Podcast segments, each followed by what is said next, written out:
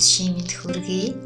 7 хоног бүрийн мегмар бүрүү нэм гаргуудад хятад хэл дээр хүргэдэг хайрын сургамж төгөлгийн маань шин дугаар эхлэхэд бэлэн боллоо. Би отгоо байна. Хэрвээ анхны учирлаа бид санаанд уучрал гэвэл дахиад таарвал зайлшгүй тохиолдол. Гурав дахь удаага учирвал хувь тавилан гэж бодох хэрэгтэй.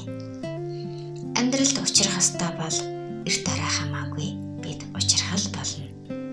Тиймээс төгсгөл нь гонхтой, жаргалтай байсан ч энэ бидний сонголт амьдралын маань нэгэн түүхэм шүү.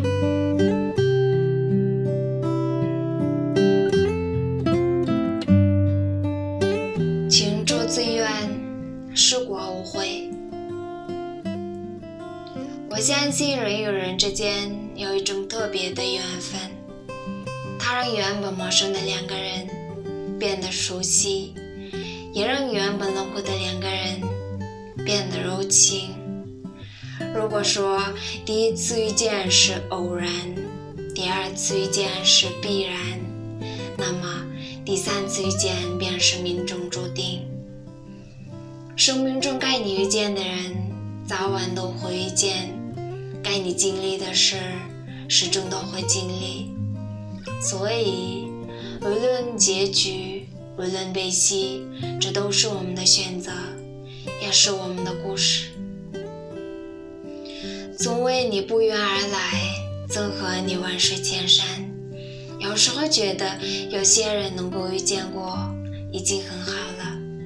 在过去的岁月里，我们彼此陪伴过、鼓励过、安慰过，纵然不能一起白头，在彼此的心里，也像走完了一生。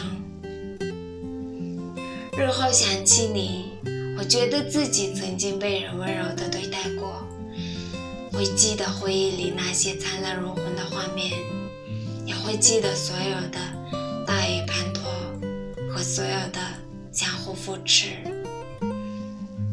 我想，我们遇见爱，不是为了遗憾，也不是为了痛，而是为了在某一段灰暗的日子里，始终相信自己。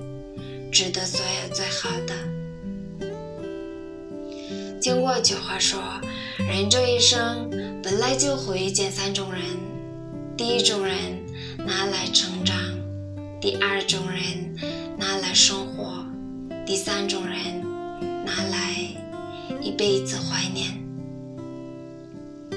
花开花落自有期，聚散离合终有时。若有一天有幸相逢，只想轻轻地问候一句：“最近是否一切都好？”有些事就让它定格过去，有些人就让它停留心中。情出自愿，事过无悔，不谈亏欠，夫妇遇见。